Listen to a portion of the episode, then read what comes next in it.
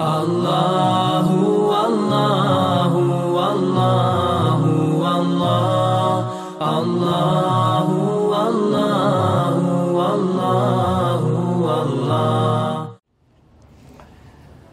إن الحمد لله تعالى نحمده ونستعينه ونستغفره ونستهديه ونعوذ به من شرور أنفسنا ومن سيئات أعمالنا. من يهده الله تعالى فهو المهتد ومن يضلل فأولئك هم الخاسرون.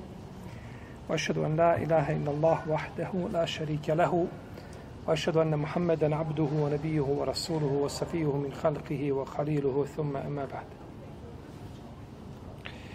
Mi smo zadnji put govorili o ajetu a, koga je uzvišeni, uzvišeni Allah azvržao završio riječima وَلَا تُسْأَلُ عَنَ أَصْحَابِ الْجَحِيمِ i nemoj pitati o stanovnicima džehennema.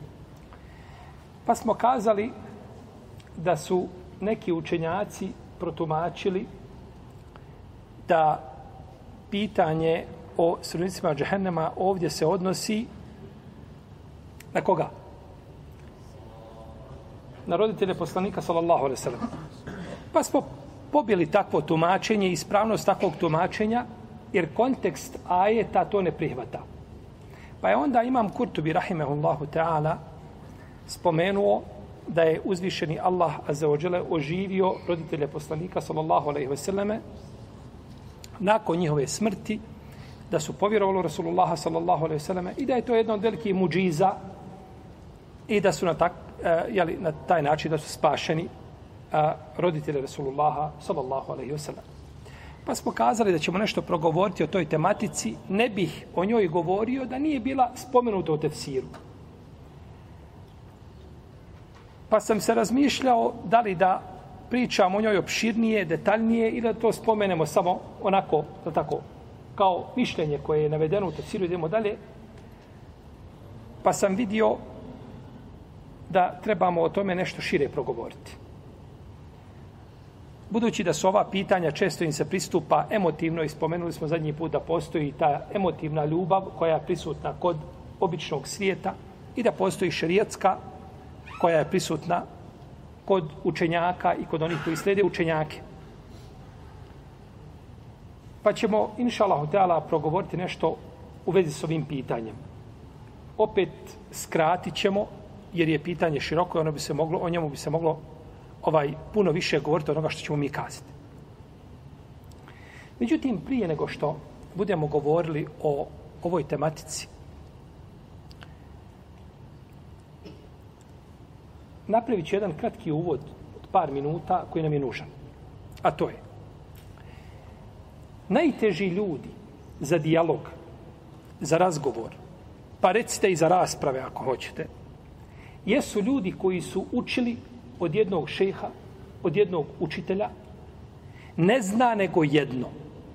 Naučio jedno i nikad nije čuo za drugo, niti je izučavao drugo i zna jedno i ti sa njim trebaš da diskutuješ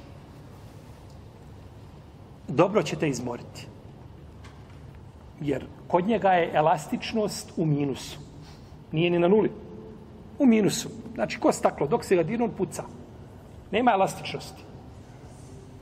A onaj ko je učio kod jednog, kod drugog, kod trećeg, pa čuo jednog i drugog i trećeg, pa argumente jednog i drugog i trećeg, ta elastičnost biva veća. I vidi da nije u islamu ono samo što si ti čuo i naučio i ono što je tebi neko kazao, nego da je islam puno širio toga i da je islam puno širi od toga da ga obuhvati jedan čovjek ili skupina učenjaka pa čak da ga obuhvati jedan mezheb. Islam obuhvataju muslimani u cijelini jer je Ebu Bekr imao sav islam kod sebe. Omer a Boga me ako nisu oni imali neće niko nakon njih imati. To definitivno. Posle poslanika, sa niko islam nema pri sebi cijel. Niti sunnet, niti, niti većinu sunneta. Ebu Hurere je prenio najviše hadisa. Ide do par hiljada, do pet hiljada nešto hadisa, tako se precenjuje. A koliko im imamo hadisa? A on je, on je najviše hadisa prenio. Znači, Ebu, Hadi, Ebu Hurere ima kao naj, prenosilac najvećeg broja hadisa, ima dio sunneta pri sebi. A nema cijeli sunnet. Pa šta mislite ono onima koji isprenali puno manje od Ebu Hureyre? Ovaj, a šta je s njima? Pa poznavati različita mišljenja otvara čovjeku vidik. Da ne bude a, pristrasan jednom mišljenju, jednom učitelju od koga je čuo, nego da uvijek kaže postoji mogućnost da ima i nešto mimo toga, što mi ne znamo. Pa je čovjeku bitno da ponekad zna da ne kažem uvijek i druga mišljenja koja se navode znači po određenom, po određenom pitanju. Dalje, kada se naši učenjaci kada se razilazili, oni nisu nikada govorili ovo što mi kažemo je istina i ovo je mišljenje ehlu sunneta, a ovo što kaže drugi sunija od učenjaka, to nije mišljenje ehlu sunneta. Nisu tako pristupali. Znači, nisu tako pristupali. Pa nikada imam Malik nije rekao ovo je moje mišljenje i ovo je mišljenje hak i istina, a Ebu Hanife neka se boji uzvišenog Allaha. Ili moj učenik Šafje, neka se dobro pazi šta će pričati, da ne izlazi iz okvira onoga što sam rekao, niko to od nje nije govorio. Svako od njih je shodno argumentima raspoloživim pričao i govorio, ali ima mali govorio, kaže, ovo je moje mišljenje, a kaže, mi samo smatramo da je ovako ništa više od toga. Samo smatramo da ovako treba da bude. Pa nisu, znači, tek tako jednostavno druge tjerali u dalalet, ako je razilaženje u krugu ehlu sunneta ol džemata. I razilaženje koje se tretira prihvatljivim je razilaženje koje je unutar ehlu sunnetskog učenja. Drugi nas ne zanimaju. E kakva sekta došla i kazala suprotno sunnetu, ehlu sunnetu, to se ne može tretirati kao nekakvo razilaženje.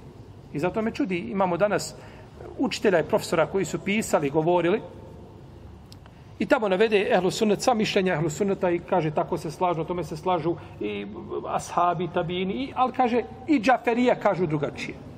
Kakve ti imaš veze sa džaferijama? Ko tebe navede da ti spominješ džaferije? Šta, šta, šta znači džaferije?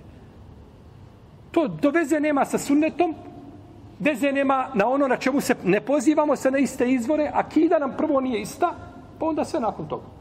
Kakve ti veze imaš sa njima? Ti pozivaj se na ehlu sunet. Hanefije, Malikije, Šafije, Hanbelije, Zahirije. Učenjaci prije njih koji su imali svoje mezebe koji nisu sačuvani. Poput mezeb Leuzaja, Saurija, Lejsa ibn Sada i drugi učenjaka. Taberija ima slični. Pa je razilaženje unutar ehlu sunneta ono koje je prihvatljivo. I tu ima jače i slabije mišljenje. A mimo toga nas ne zanima da dođu šije ili Haridžije, ili Motezile, ili Murđije, ili njima slični, složili se sa nama, ako se slože sa nama, to ne daje snagu našem mišljenju. A ako kažu suprotno našem mišljenju, to ga ne čini slabijim. Jel u redu?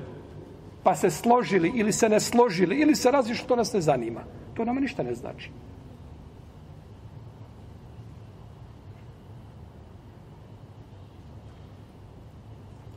Pa je razilaženje, znači, vezano za ehlu sunnet, ehlu sunnet vol džemat. Dalje, kada se ljudi raziđu, nemaš pravo nikoga prisilno tjerati da razmišlja kao ti. To bi Allah dao da ti svataš, da razumijevaš, kako ne mogu drugi razumijevati. Pusti ljude da svataju da razumijevaju kako misle da trebaju razumijevati. Nema smetnje razgovarati, diskutovati, kazati svoje argumente. To nije problematično. Ali nekome naturati da mora nužno biti na onome na čemu si ti, a on se također poziva na mišljenje ehlu sunnata ol džemata, nije ispravno. Kažemo ono, nema smetnje, dijalog, razgovor, ubijedi me, ubijeđite. I ako se razviđemo da ostanemo braća, da ostanu prsa široka, to nije problematično. Ali naturati nužno nekome,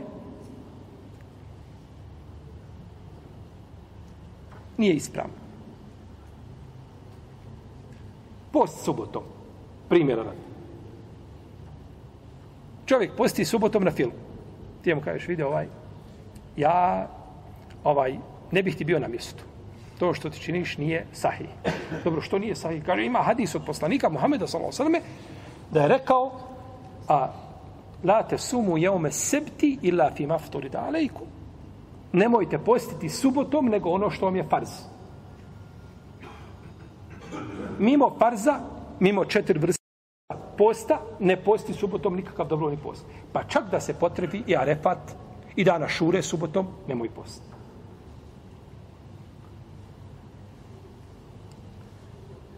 Dobro, ima li hadis? Ima hadis. Bileži ga imam Ebu Davud, bileži ga Ibn Mađe, Hibani drugi. Međutim, taj hadis došao je putem, prenosi ga Abdullah ibn Busr, nekad ga od prenosi od poslanika, a nekad ga prenosi od svoje sestre od poslanika, sallallahu alaihi sallam. Pa ima poremećen lanac prenosilaca. Lanac prenosilaca mu nije stabilan kao lanac i zato su mu veliki hadijski tručanici prigovarali. A i metn hadisa je problematičan.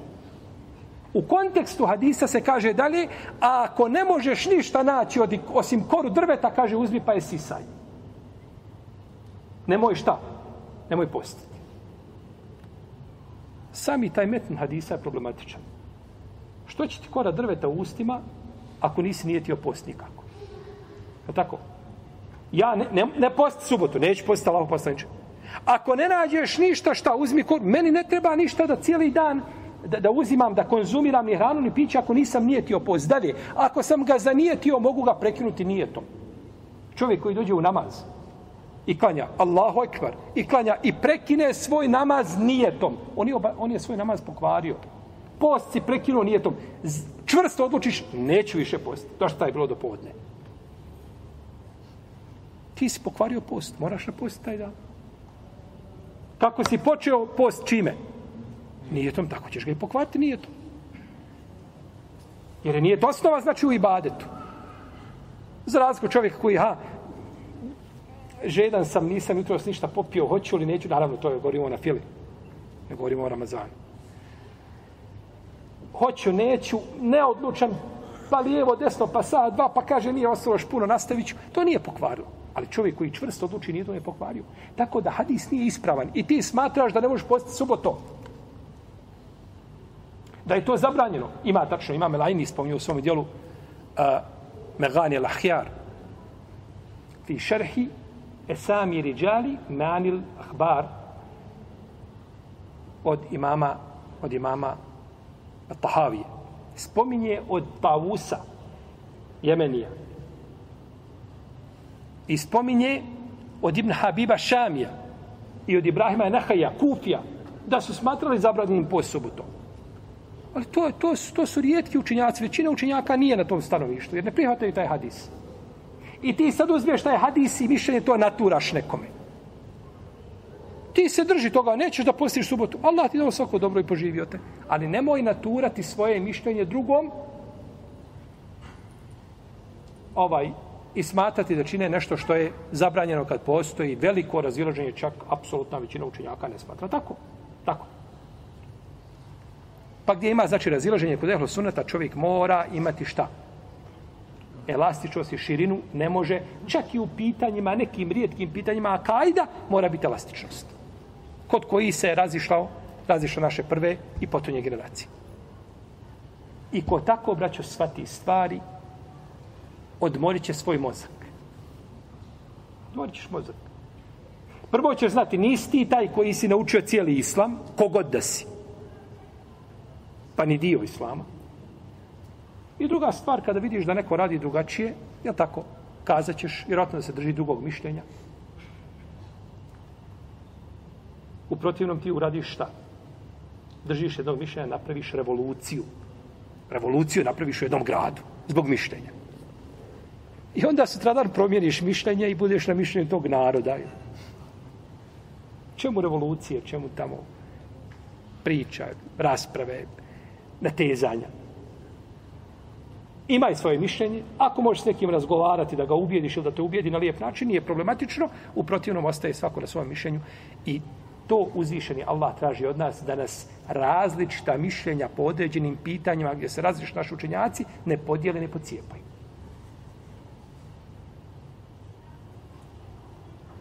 Dobro.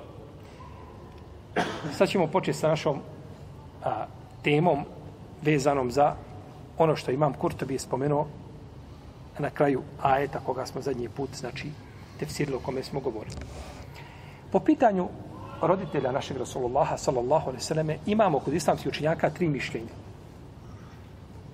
Prvo je mišljenje ono najstrožije da roditelji Rasulullaha sallallahu alejhi ve selleme neće uspjeti na sudnjem danu. Neće biti spašeni. I to mišljenje se prenosi od imama Ebu Hanife i prenosi se od imama Taberija, od Bejhekija, Kadije i prenosi se od imama Enneovija, prenosi se također od Ibn Džauzija, prenosi se od Mule Alija, Karija i od drugih učenjaka od Ibn Kesira, Ebul Fida, poznatog mu Fesira.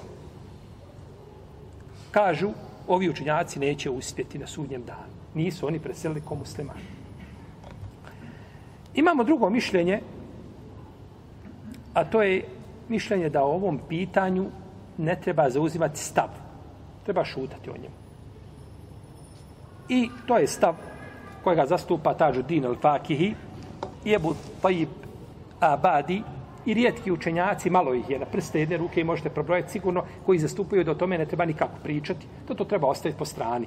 Da ne možeš imati a, mišljenje koje je validno u vezi s tim, dokazi su ha, i s jedne i s druge strane, pa treba e, da bi biti neodlučan po tom pitanju. Imamo treće mišljenje učinjaka koji kažu da, su, da će roditelji poslanika, sallallahu sallam, uspjeti na sudnjem danu. Međutim, kod nje je veliko razilaženje taj uspjeh, zašta se veže i kako su došli do uspjeha. Znači, put uspjeha slažu se da će roditelji na sudnjem danu biti gdje? U, u džennetu. Međutim, kako su došli do dženneta, tu je razilaženje među islamskim, među islamskim učenjacima. Pa kaže a, jedna skupina, oni su od Ehlul Fetre. Ehlul Fetra, to je skupina ljudi koji znači bili u vremenu između poslanika, gdje nije, kome nije poslan poslanik, nisu znali ništa, znači ovo. Od do njih nije došla objava, pa kažu, oni su dehlul fetre. I to mišljenje zastupa imam El Munavi. Imam El Munavi, ali nije El Munavi autor dijela Fejdul Kadir, nego je njegov djed, Šerefuddin Ebu Zekerija El Munavi, je stariji od njega. Naravno, mora djed biti stariji, tako? Može biti mlađi. On je bio u halki sa imamom Sujutijom. Pa je upitan ovo pitanje. Pa se naljutio, kaže imam Sujuti. To spominje imam Sujuti u svome dijelu Mesalikul Hunefa. Spominje taj događaj na drugoj i na trećoj strani. Spominje kako je upitan ko? Imam El Munavi u prisutu imama Sujutije. O ovom pitanju jedan je od prisutnih upitao šta je sa roditeljima poslanika sa osam na sudnjem danu pa se naljutio i ovaj osudio njegovo pitanje kako bi mi kazali obrisao patos sa njim zbog pitanja koga je postavio. I ovo mišljenje zastupa Sibt ibn Džauzi. On je potomak, odnosno unuk ibn Džauzija onoga, da tako, Ebul Farađa, imama ummeta. Ovaj je bio Hambelija djedo, a unuk je bio Hanefija. Kaže se da je kasnije primio šizam. Allahu alem. Je li potvrđeno? Uglavnom, on je smatrao, znači da su oni šta odehlu? Odehlu Petre. Imam el Munavi, znači i unuk, unuk Ibn Džauzija. Jusuf Ibn Abdillah se, tako bilo ime. Šta kažu? Šta kažu ova dvojica? Da su oni odehlu odehlu Petre. da su odehlul Petre. Imamo drugo, drugi način, drugi put kako dođe do spasa, to je da do nje nije došla dava. Da do nje nije došla nikako dava. I to mišljenje spominje unuk Ibn Džauzija i pripisuje ga skupini uleme. Međutim, nema razlike između ovoga drugog i trećeg prvog mišljenja. Od Ehlul Fetre nije došla dava. To je šta? To je u jednu, u jednu deku, ne u pedeka. To je blizu. Ja, dva mišljenja koje su stvari, u stvari je to sreće na kraju na jedno mišljenje. Ljudi do kojih nije došla objava. Imamo treće, a to je da je uzvišeni Allah Azza wa Jalla a oživio roditelje poslanika sallallahu da su primili islam i onda preselili. I ovo mišljenje zastupa Ibn Šahin i zastupa ga Al-Khatib al-Baghdadi i zastupa ga Al-Muhib al-Tabari. I ovo je stav Suhejlija. I čiji još stav? Kurtubija. Zadnji put smo kazali. Kurtubija. Mama Kurtubija, rahimahullahu ta'ala. Oni zastupaju, znači, taj stav. Četvrto, da će Allah na sudnjem danu, da će oni biti uh, podvrgnuti ispitu i da će im Allah olakšati da polože taj ispit pa da budu tako da budu tako spašeni. Ali ovo mišljenje nije daleko od čega? Prvog i drugog. Nije daleko. Ovo mišljenje je težio Ibn Hajar al-Skalani, rahimahullahu ta'ala. Da će biti podvrnuti šta? Ispitu, pa da će taj ispit znači položiti da će biti spašen. Međutim, imame Sindi u svojim hašijama na sunan imama Nesaije napravio razliku između ovih mišljenja, pa, će, pa i zbog toga ispominjamo tako. Protivnom, oni su, ta su mišljenja jako bliska, oni, oni ulaze u jedno mišljenje. Imamo peto da su oni bili u stvari muvahidi. Da su oni živjeli na teuhidu, da su umrli na teuhidu. I to mišljenje zastuplja imam, imam El Mavordi, poznati šafijski učenjak, imam ummeta koji umro 650. iđeske godine, on je odobro to mišljenje, odobro ga je, imam El Alusi, poznati mu Fesir, i ovo mišljenje zastupaju, to spominjamo samo usputno, bez utjecaja na ovo, Rafidije. Kod nje je Butali musliman. Tako. Ko god vezan za poslanika, na bilo koji način ne može biti znači ne musliman nikako. Ne znam šta je sa Ebu Lehebom. Uglavnom, pitanje nije vezano za emocije, nego vezano za argumente i dokaze.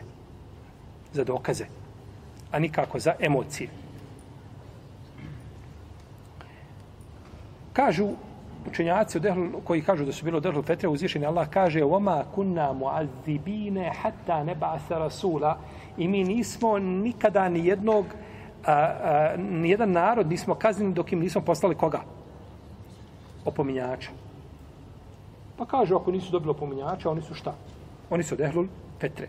Ima hadis kod imama El Bezara u njegovom musnedu i kod imama Ahmeda u musnedu, koji je vjerodostojen, Hureyre, da je poslanik, sallallahu sallam, rekao, četverica na sudnjem danu će pravdati se pred Allahom. Pravda će se pred Allahom zbog onoga što su bili. Kaže poslanik sallallahu alejhi kaže prvo čovjek koji umro u Fetri. U vremenu između dva poslanika kad nije dolazla šta? Objava. Drugi je čovjek koga je zatekla objava, a on uh, senilan, pozna, starost, ništa više ne konta, ne može. Treći čovjek, kaže, koji je gluh i nijem. Ne možemo objasniti i četvrti čovjek koji je umro poremećen. Kaže, ove četiri skupine, će, pa će on imati iskušenje, jel tako, pa će im poslati uzvišeni Allah iza slanika, pa će im narediti da uđe u vatru, pa ko od nje uđe u vatru, bit će mu spasorosna kao što je bila Ibrahim, ali selam, ako odbije da uđe u tu vatru da se pokori, bit će strmoglavljen. U, u nju i slično tome. Jer to je ispit ljudima. Jedno od mišljenja koje spominje e, šehol Islam ibn, ibn Kajim u svome djelu Tarikul Heđatejni i drugi učenjaci, kaže da, da, će to biti, da će ti ljudi biti ispitivani znači na sudnjem danu na takav način. Jer kada uzvišeni Allah tebi pošalje poslanika i kaže svim ljudima idite u vatru, poubijajte se. Jesi dužni to urade? Molim? Pa jesu. Pa nema, ti moraš se pokoriti. Nemaš izbora. Naravno, to neće posle, to je samo, to je pretpostavka, od toga nema ništa. Jer je uzvišen Allah šalje poslanike da čuva ljudske živote. I čast, i metke. A ne šerijete su. Međutim, da nam kojim slučajem, pod pretpostavkom, naredi poslanik sa osrme, treba li to izvršiti? Jer on ne naređuje po havi, po ičtihadu, nego po objavi. Pa će biti tako, znači, ispitivan. A, biće, dobro, ljudi koji su umrli u tom periodu džahilijeta Arapa, koji dočekao poslanika sa osrem, koji su obožavali kipove. Šta je s njim? Braćo, obožavanje kipova ne može čovjeku biti dokaz, ne može imati dokaz u neznanju da obožava kipa. Allah je dao čovjeku pamet. Sjediš cijeli dan, u jednoj ruci držiš ono, onu sjekiru, a u, u drugoj turpiju. I klešeš. Malo ga oklešeš, pa ga urediš, izglancaš ga. I onda ga naveće obožavaš. To da dovedeš ovaj, mimo ljudske vrste nekoga. Tako. Pa da mu kažeš, evo napravi iskleš, pa on bi se smio. Životinja bi se tome nasmijala. Tome nema... Allahov poslanik je bio te vođe deke dalen feheda. Našao te da si dal. Dalalet. U kom je bio poslanik, je, sa osram je bio dalalet neznanja, nepoznavanja istine. Dobro, tako, ali poslanik sam, pa dobro, odo ja sa mojim narodom, kipovi su tu, pa... Ne može to biti, ne razum tvoj te navede, on nije tad bio poslanik. Ali te razum navede da to ne može biti božanstvo. Tako. Kod muslima u Sahihu ima hadis. Od Ebu Sedal Hudrija. Kaže, obavijestio me, ja kaže, nisam tu bio prisutan, a me obavijestio Zed ibn Sabit. Da je poslanik, sa osvijem, došao na svojoj jahalici kod, na, na jedan posjed koji je pripadao Benu Neđaru, kaže, pa se jahalica uznemirila. Pa smo, kaže, upitali šta je, Kaže Allah poslanik, ima li ovdje, kaže, kaburova? Kažu, ima kaburova od ljudi koji su umrli u džahilijetu. Kaže, oni se kažnjavaju u kaboru. Kažnjavani u kaboru. Iako su umrli u džahilijetu. Jer ima moment, ti možeš biti u, u dalaletu da ne znaš hak i istinu. Ne znaš ko je tvoj gospodar. Ne znaš njegova lijepa imena, ne znaš njegova svojstva. Ne znaš kako mu se klanjati. Ne znaš kako mu se približiti. I ne znaš čime je on zadovoljan u ibadetima i kako, jer svi ljudi i žini kad bi se sastali ne znaju žena posle smrti muža čeka koliko? Četiri mjeseca, deset dana. Kada bi se svi učenjaci na zemlji sakopili, džini i ljudi, da sjede i da oni to skontaju, koliko bi to moglo bi da nema objave? Mogu li? Zašto četiri mjeseca, deset dana? Nema, to je tako je semjena u Atana i pokori se tek posle 130 dana, to tako, traži se muža. Ali ima nešto što čovjek razumom do čega može doći. A to je da kip ti ne može pomoći. Zato je poslanik sa osrame bježao od kipa i nikada nije, znači, sa kipom imao ništa osim prezir prema kipu. Pa je ovo pitanje, spomenuli smo ovdje mišljenja islamskih učenjaka i ovaj, čitajući nešto o ovoj tematici, Ražalostilo me je kad sam pročitao izjavu jednog učenjaka, velikog imama, umro je polovinom šestog izvijeskog stoljeća, vam neću govoriti njegovo ime, nemate potrebe da znate. Kaže, kada je upitan, šta misliš, kaže onome ko kaže da roditelji poslanika sa osam neće uspjeti. Kaže, on je proklet. Ovako je rekao. Rahimehullahu ta'ala. Imam je ummeta, mi ga često citiramo, Međutim, uz veliko poštovanje i ne možemo biti papuč, ne možemo biti ekser u njegovoj papuči, ne možemo pospremiti posteljinu na kojoj je spavao, ne na to nemamo pravo. Ali nije u pravu. Nije u pravu, nije proklet, ne možemo prokleti mame ummeta. Nikako. Koji su bili prije njega živjeli i posle njega proklet zbog toga ne.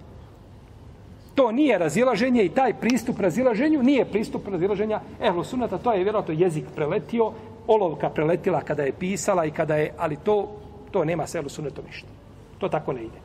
Drugi učenjak kaže, a nećemo opet spomenuti njegovo ime. Kada je upitan, kaže, bojim se kufra onoga ko tako kaže. Ne može tako. To nije, to nije pristup. Razilaženje me, mesela o, koje, o, na, o kojoj su se razišli, u vezi koje se razilaze najveći imami ummeta na, na dvije, tri skupine, proklet neko. Wallahi nije proklet. Moraš imati dokaz da bi ti. Kako, kako ćeš dokazati da je neko proklet? Naravno, ako onaj ko kaže drugačije ima jače mišljenje, a doćemo do toga. Tako da se to ne radi o, to se radi o pitanju razilaženja i to treba prihvatiti i kao razilaženje, a nikako kao mesela zbog koje treba prijateljati ili ne prijateljati s nekim. Jer oni koji su kazali da će roditelji poslanika uspjeti, oni su kazali želeći hajdi dobro islamu. A i oni koji su kazali da neće uspjeti, oni su željeli kaj dobro islamu pozivajući se na vjerodostojne i jasne argumente do koji ćemo doći. Pa i pitanje kao i bilo kog drugog pitanja oko koga se razila, znači učenjaci, i ne treba to, znači, e, tretirati, znači, ovaj a, pitanjem da je neko dobro mišljenje koje ruši islam i sliže tome, Bože, sačuvaj, to ne dolazi nikako do tog, do tog stepena. Dobro. Imamo hadis a, kod muslima u sahihu od Enesa radijallahu ta'ala anhu da je došao čovjek poslaniku, sa osvijem, kod muslima, znači u sahihu. Došao je čovjek poslaniku, sa osvijem, i kaže mu, Allah poslaniče, kaže, šta je s mojim babom? Gdje je moj babo? Kaže mu, u vatri. Pa se čovjek ražalostio, okrenuo se i otišao. Pa kad je malo odmakao, pozvao ga poslanika, kaže, dođi vamo. Kaže, tvoj babo i moj babo je, i moj babo su u vatri. Tvoj otac i moj otac, kaže Rasulullah s.a.v. su u vatri. Kaže, imam neovi nakon ovoga hadisa, kaže, ovdje je dokaz ovom hadisu, da ko umre na nevjerstvu, da će biti u vatri i da mu neće koristiti njegovi bližnji taman bili dobri. Neće mu koristiti, znači, ta rodbinska, ta rodbinska veza. I kaže ome hadisu je dokaz da onaj ko je umro u fetri a, Arapa koji su obožavali kipove, kaže da neće uspjeti.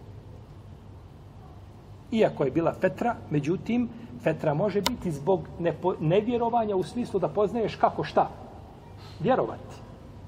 Kako uzvišenog Allaha vjerovati? Kako ga obožavati, ne znaš. I do tog momenta nije problematično. Ali onda otići nakon toga pa isklesati kipa pa ga obožavati, naravno da je to problematično.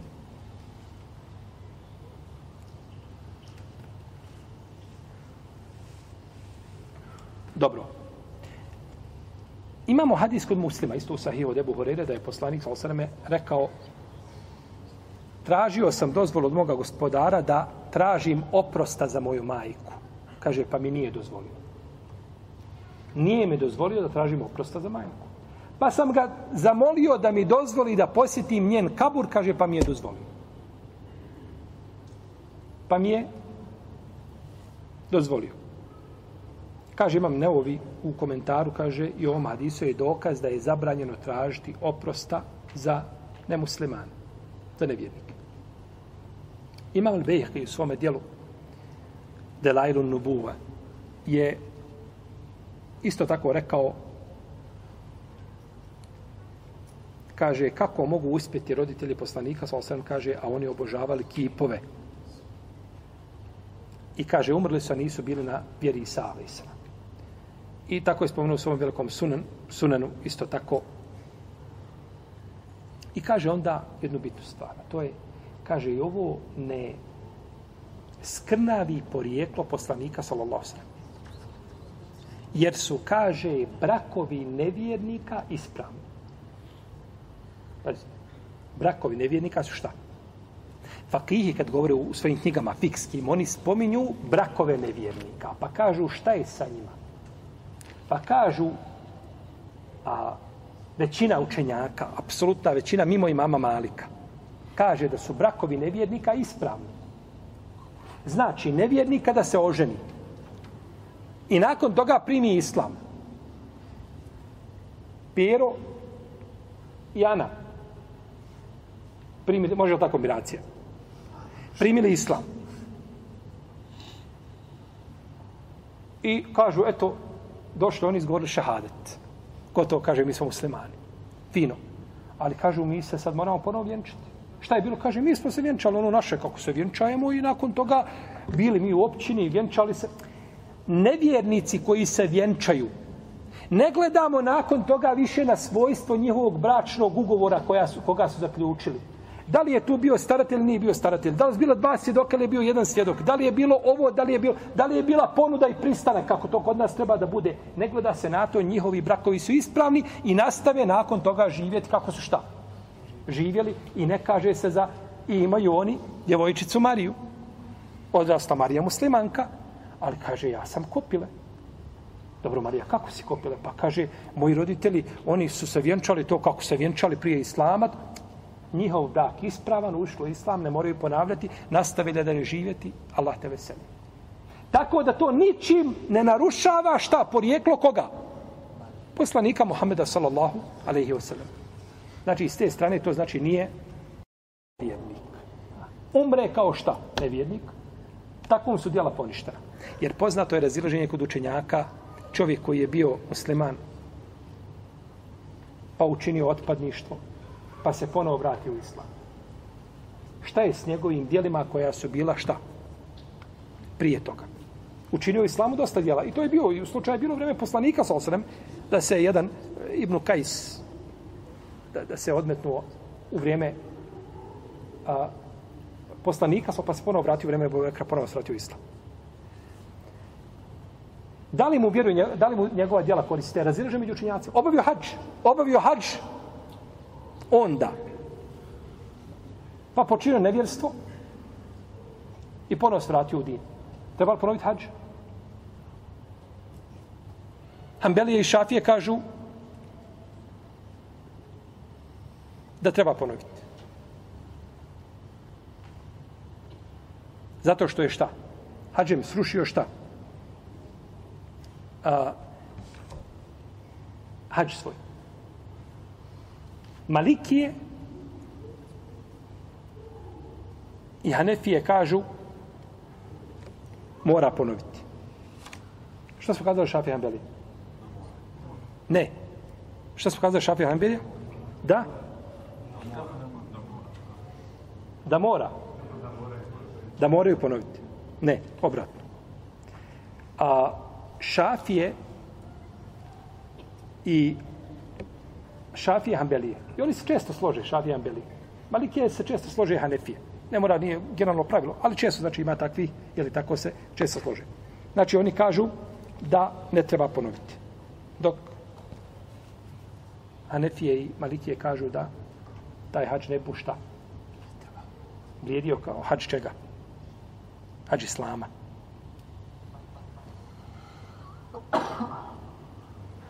Da mu ne bi vrijedio kao od islama da morao ponoviti. Dobro, kažu, imam da rekutni, Ibnu im je iz da ovaj hadis lažan. A sve ova trojica učenjaka su definitivno pretekli imamo se utio po, imamo se utio po pitanju hadijske nauke. I kaže, imam Ibnu Asakir, a on je pretekao, možda nije Dare Kutnija, ali je pretekao i Ibnu Tejmije iz Zahebija po pitanju hadisa. Ibnu Asakir imam umet po pitanju hadisa. I kaže da je hadis munker, da je ništava. I kaže Džaurakani da je hadis batil. Ibnu Kesir kaže hadis o oživljenju roditelja poslanika, sallallahu alaihi sallam, kaže je potpuno ništavan. A kaže ono što je u sahihu je suprotno tome. Hadis ovaj ništavan, a imaš kod muslima hadise, dva hadisa od Enesa od Ebu Hurere koji su suprotni tome. Pa zamislite kad dođe hadis koji je ništavan, bezvrijedan i suprostila se vjerodostanom hadisu. Takav hadis ne može znači definitivno biti nikako prihvaćen. I kaže Ali Mola Kari da je hadis lažan.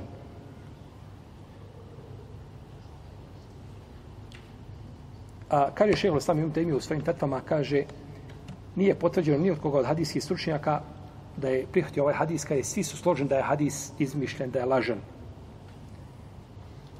I kaže to što spominje imam Abu Bekr u dijelu Sabiku Alahike, što spominju drugi učenjaci, Suhejli, kaže to je neispravno bez razilaženja među islamskim učenjacima i hadijskim stručnjacima. I ovaj hadis nije zabilježen, braćo, ni u sahihima, ni u mustedima, ni u sunanima, nigdje. Nego došao, kasnije se, znači, nekada pojavio Što ukazuje znači da je hadis neispravan.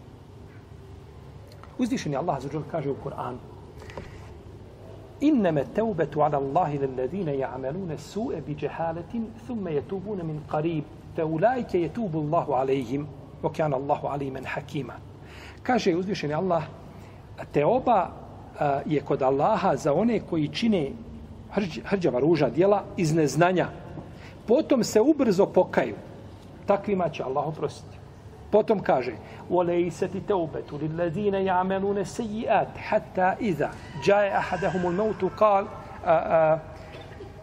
حتى إذا حضر أحدهم الموت قال إني تبت الآن ولا الذين يموتون وهم كفار kaže, a nije te oba za one koji a, čine loša djela, pa kada dođe smrtni čas nekome od njih, kaže, ja se sad kajem.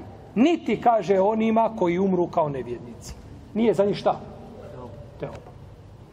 Ajet, ja sam kuda. Za koga god, braću uzvišeni Allah po pitanju teuhida, nikome neće što mi kažemo, ako možemo tako kazati, progledati. To može grije, griješenje, pre, prestupi, nije problematično. Milost Allaha prelazi uzvišenog to. Ali pitanje teuhida, pre, otac Ibrahima, ali je preselio ko nemusliman, ko nevjernik. I na sudnjem danu će Ibrahim a.s. kazati, gospodaru moj otac, zar mi nisi, kaže, obećao, kaže, da me nećeš pož, pož, poniziti na dan kada sakupiš i prve i posljednje, a kaže, koje je veće proniženje od toga, min ebile ebad, da moj babo bude udaljen u vatri džehennemskoj. Pa će uzvišen Allah kazati, ja Ibrahim, inni harrem tul džennete, ale kafirin, Ibrahime, ja sam nevjedica, zabranio džennet. Jes ti, Ibrahime, ti si otac Teohida poslije Muhammeda s.a.v. nema bolje vjernika od tebe. Niko ime nije potpunio obožavo na zemlji poslije moga poslanika Muhammeda od tebe, Ibrahime. Ali ne može. Nema tog šefata koji ti može pomoći. I braćo, kada bi čovjek na sudnji dan došao bez teohida, ne koristi mu šefat svih poslanika i svih šehida i svih pobožnjaka. Od Adem, ali se do zadnjeg čovjeka. Kad bi mu svi šefat činili, ne mogu mu pomoći. Kogod da bio imaju pravila koje uzvišen je Allah postavio, koji ih neće slijediti, ne koristi. Kogod da bio.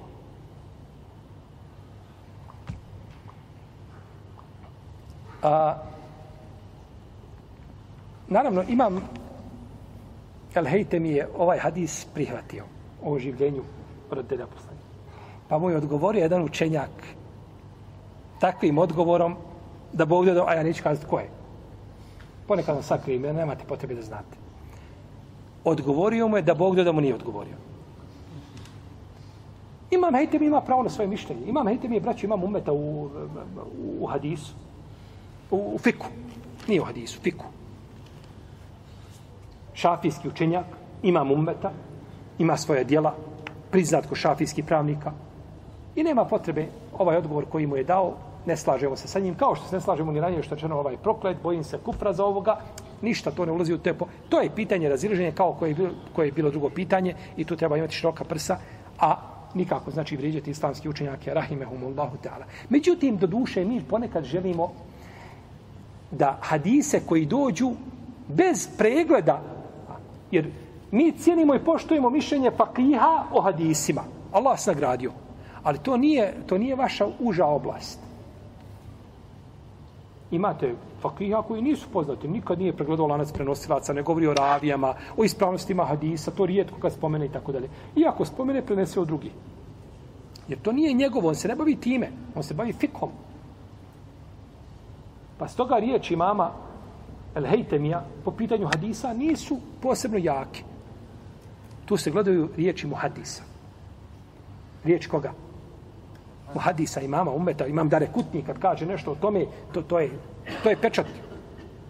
Jer je to imam u, je tako u hadisu. Ali mi ponekad želimo hadis na silu da ga ocenimo iz, kao hadis koji? Vraćanje sunca ali. Ma hadis da je poslanik sa jednog dana spa, spavao, ali na krilu. Pa i Kindija bila, pa sunce zalazi, zalazi, zalazi, ali ja se ne pomira da ne probudi poslanika i sunce zađe. Zašlo sunce probudio se poslanik? Alija i Kindija kaže, Allah poslanič kaže, ja nisam mogao, kaže, klanjati Kindiju radi tebe. Pa je poslanik odigao ruke, kaže Allahu dragi, tvoj rob je bio u pokornosti Allahu i tvome poslaniku, sa osvijem kaže, vrati sunce. Kaže Esma, kaže, pa sam vidjela da je sunce zašlo, kaže, pa sam ga vidjela da je izašlo.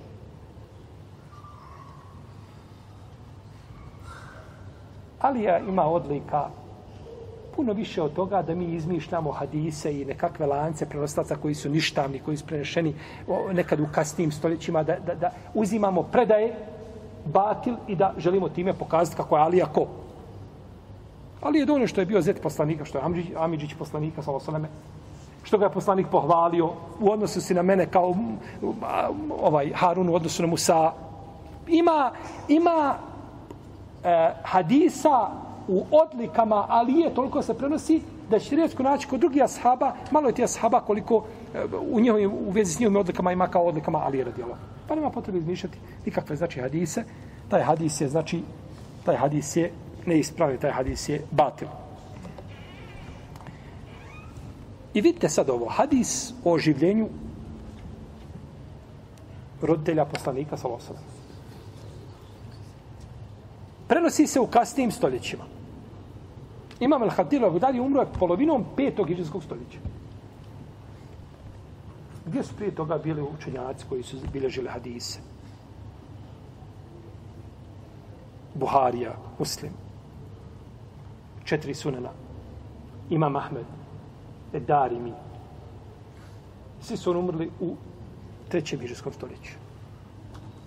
El Bezar, treće. Imam Nesaja, u stvari početkom 303. početkom četvrtog hiđarskog stoljeća. Gdje su ti učinjaci prije Ebu Bekra El-Hatiba al-Bagdadija? Pa od dokaza da je hadis da ima pri sebi slabost, jeste to kada ga niko ne zabilježi od prvi i počnu ga, onda pojavi se taj hadis u četvrtom i u petom i šestom iđanskom stoljeću. To je na taj hadis odmah se stavlja upitnik od pometra. I taj se hadis mora dobro ispitati. Naravno, braće, ovakvi hadisi, ovo je velika muđiza. Ovako veliki jedan događaj, je li ovaj događaj veći je li to da voda izlazi između prsta poslanika, sa osanem? Šta je veći događaj? Poživljenje roditelja poslanika, puno veći događaj. Bo.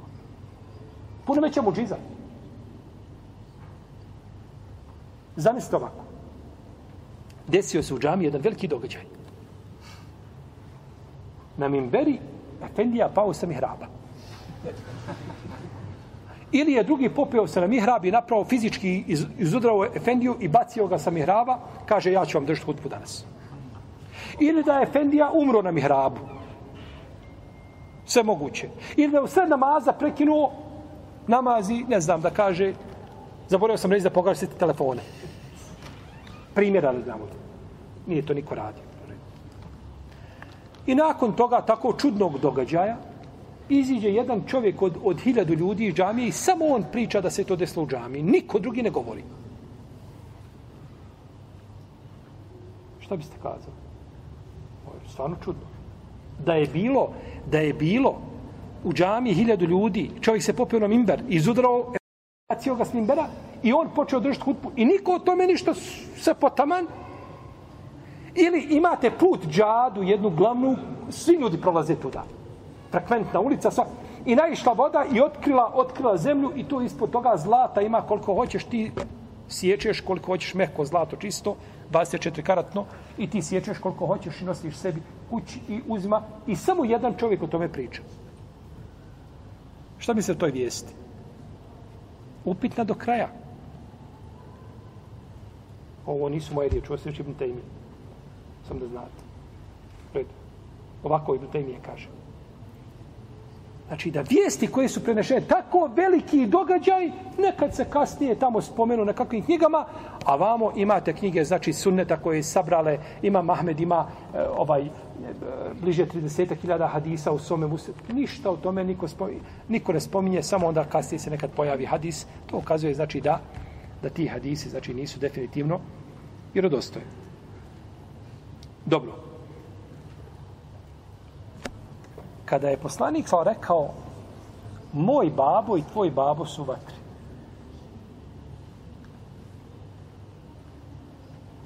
Postoji li mogućnost da je nakon toga saznao da je babo u džennetu, pa obavijestio ljudi. Ako hoćete dati odgovor na ovo pitanje, morate se vratiti na naš des od okidanja. Šta smo mi tamo spomenuli na dokidanju, ako se sjećate? Da kod vijesti nema čega. Dokidanje. A dov narod uništen tako i Semud uništen tako i tako. Ovaj, I onda nakon toga dođe šta? Za jednog se čovjeka kaže u džehennemu je, potom se kaže ne, ne, to je dokinuto u džennetu. Tu nema čega. Dokidaju se propisi. Propise dokidaju. Prvo vrijeme Islama žena je trebala u pričeku da provede koliko? Koliko? Godinu dana. Pa je nakon toga to dokinuto šta? Četiri mjeseca, deset dana. To se dokida, propisi se dokidaju, ne dokida se šta? Vijesti ovo se može dokidati. I druga stvar, ovaj hadis sam po sebi ima problem. Ovdje Aisha radijallahu ta'ala anha spominje Džuhun da je tamo ukopana majka koga? Poslanika sa A Džuhur je bliže Mekke. A ispravno da je ona ukopana u Elebua, a to je bliže Medini.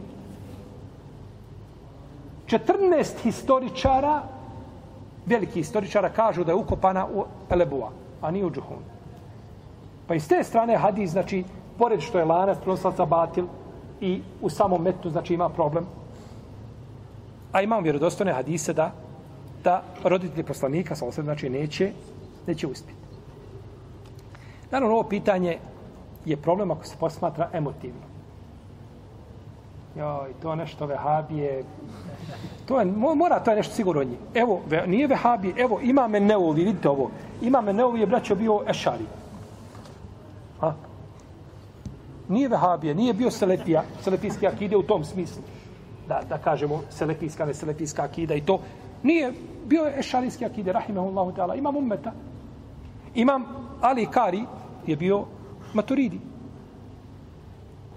Imam El Bejheka isto tako. Teži od, znači, oko Ibnu Kesira je, ha, ima prigovora, riječi i tako dalje, izjava kojim se možda mogla tumačiti ovako onako. To je vezano za argumente i za dokaze. To je naša ulema, ulema ovaj, kojim se mi ponosimo, koju cijenimo i koju poštujemo i učenjaci su željeli hajde i željeli dobro i ne treba tome pristupati emotivno. Odaberi mišljenje koje smatraš ali definitivno da učenjaci koji su kazali da roditelji poslanika za neće uspjeti, nisu time htjeli da uvrede koga. Resulullah s.a.v. Jel to bi time bi završio svojim islamom? Nego imam argumente, imam dokaze, Allah ovaj poslanik rekao tako i tako. I ja sam dužan da ga sledim i nisam to rekao ni zbog čega drugog, nego zato što me on, Rasulullah s.a.v. šta obavijestio o, o tome.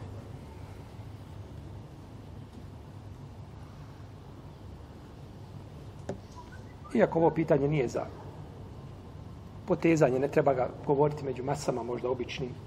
Jer to ljudi, kažem, doživljavaju emotivno. Treba ga prešutati, jer čovjek da umre, da ne zna ništa o tome i da dođe pred Allah na sudnji dan, ne zna šta je sa roditeljima poslanika, svom neće biti pitan o tome. Nije to, nije to nužno. Međutim, mi smo spomenuli to pitanje zato što smo spomenuli ono što imam Kurtu bi rekao, pa smo se dotakle ovoga. Uprotiv, mogli smo to sve zaobići. I to je bila jedna opcija. Da to sve zaobiđemo, da ništa ne spominjemo. Međutim, cilj nam je bio da kažemo da islamski učenjaci, naša ulema se razišla po određenom pitanju i dužni smo da budemo širokogrudni i da čovjek može na osnovu argumenta koje vidi da zastupa jedno ili drugo ili treće mišljenje. Međutim, nema pravo znači da dovodi a, vjerovanje nečije upitnim zbog ove, zbog ove vesele i zbog ovoga, zbog ovoga, zbog ovoga pitanja. Oni stvrtila te bar da nas uputi na ono što je najispravnije su čvrsti na din islamu i imanu, okresretnjemo naše gospodara za uđel da nas odvede učenec sa našim drugim poslanikom, sa osrvi iskrenim dobrim više šehidima, din istorije društvo. Allah ta'ala nam sallallahu alaihi wa sallam. Allahu, Allahu, Allahu, Allahu.